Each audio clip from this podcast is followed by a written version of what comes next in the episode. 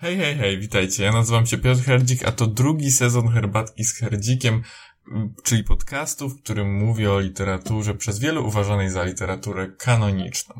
Dzisiaj będziemy mówić o książce Głód Knuta Hamsuna, ale zanim przejdziemy do samej powieści, chciałbym powiedzieć kilka słów o autorze.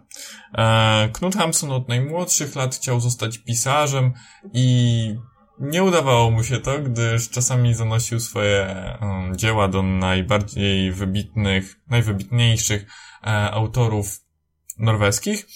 I ci autorzy mówili mu, że lepiej może by, żeby został aktorem, lecz to nie zniechęciło naszego e, Knuta Hamsuna i przez następne 10 lat bezdomności i tułaczki po świecie, miał nawet epizod w Stanach Zjednoczonych dwuletni, udało mu się w 1890 roku wydać książkę o tytule Głód. I ta książka właśnie będzie tematem przewodnim tego podcastu. Zacznijmy od tego, że y, nasz, y, nasz bezimienny bohater przemierza te same ulice, które przemierzał Knut Hamsun, czyli ulice Oslo, w książce nazwanej jako Christiania, gdyż są to czasy, w których właśnie Oslo taką nazwę wtedy miało. Um, 1890 rok to również rok akcji w tym utworze. E, nasz bezimienny bohater przechadza się po e, stolicy i jego życie w zasadzie bardzo przypomina te ostatnie 10 lat e, Knuta Hamsuna, czyli bezdomną e, tułaczkę, życie w skrajnym głodzie, e, nieposiadanie swojego miejsca na ziemi. Nasz bohater, warto wspomnieć o tym, że jego kodeks moralny albo zasady, którymi się kieruje, są nieco krzywe, albo oglądane w krzywym zwierciadle, gdyż cokolwiek dostanie, to rozdaje, jakieś jedzenie, cokolwiek innego, też potrafi po prostu e, zarobione pieniądze od razu komuś oddać. E, wydaje mi się, że to postępowanie e, nie przysporzyło mu wielu przyjaciół, e, ale o tym jeszcze wspomnę na samym końcu tego podcastu.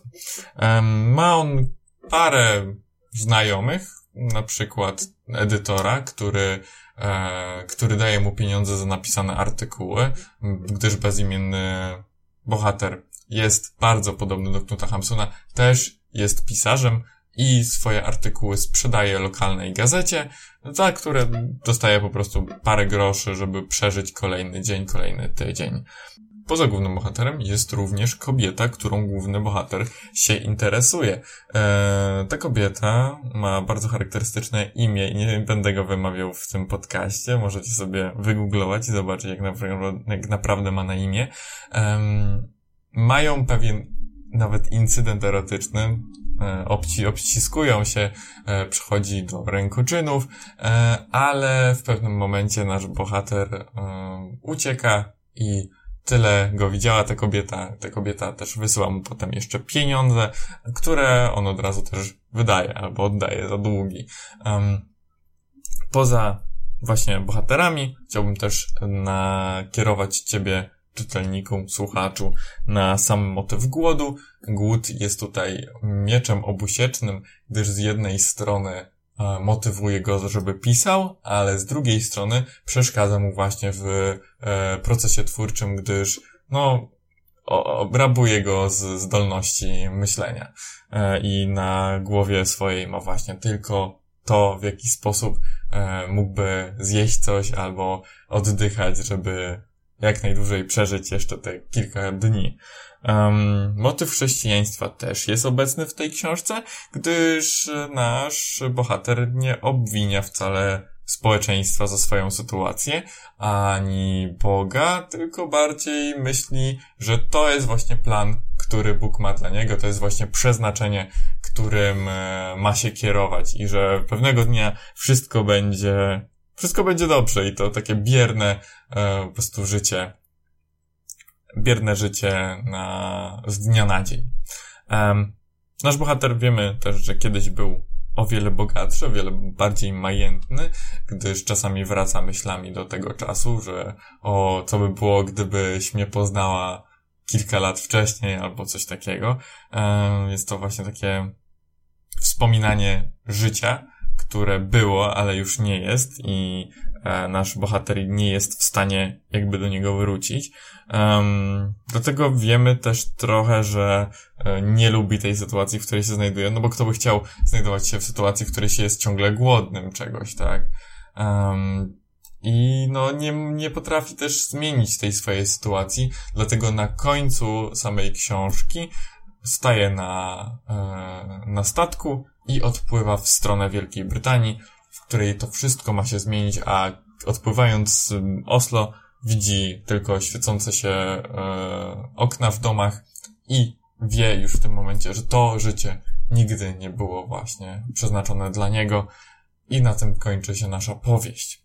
Jest to powieść dla mnie bardzo ważna, gdyż e, przypomina trochę gracza Fiodora Dostojewskiego i oglądanie właśnie takich skrajnych przypadków nędzy, rozpaczy, e, powolnego szaleństwa e, jest w stanie nam uświadomić to, w jakim dobrobycie tak naprawdę żyjemy i docenić to, co mamy. Gdyż takie właśnie przypadki skrajności uświadamiają nam, że to też może się zdarzyć nam w naszym świecie, że jeżeli na przykład będziemy postępować w jakiś określony sposób, to właśnie końcowym efektem będzie takie ubóstwo, e, że tak naprawdę jeżeli my sami doświadczamy jakiegoś przykrości albo coś nam się dzieje w rzeczywistości, nigdy, raczej nigdy nie będzie to aż tak dobitne jak e, w przypadku bohaterów e, z gracza Fiodora Dostojewskiego i z Knuta Hamsuna Głodu, naszego bezimiennego protagonisty.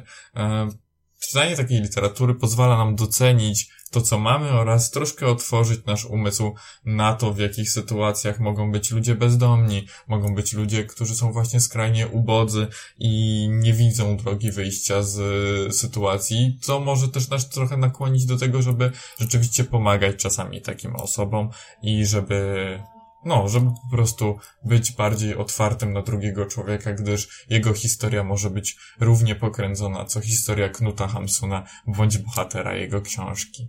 Na tym zakończę ten odcinek podcastu i mam nadzieję, że się dobrze bawiłeś albo rzeczywiście znowu zanalizowałeś książkę, którą przeczytałeś, a jak jej nie przeczytałeś, to zachęcam po prostu, żebyś przeczytał, przeczytała.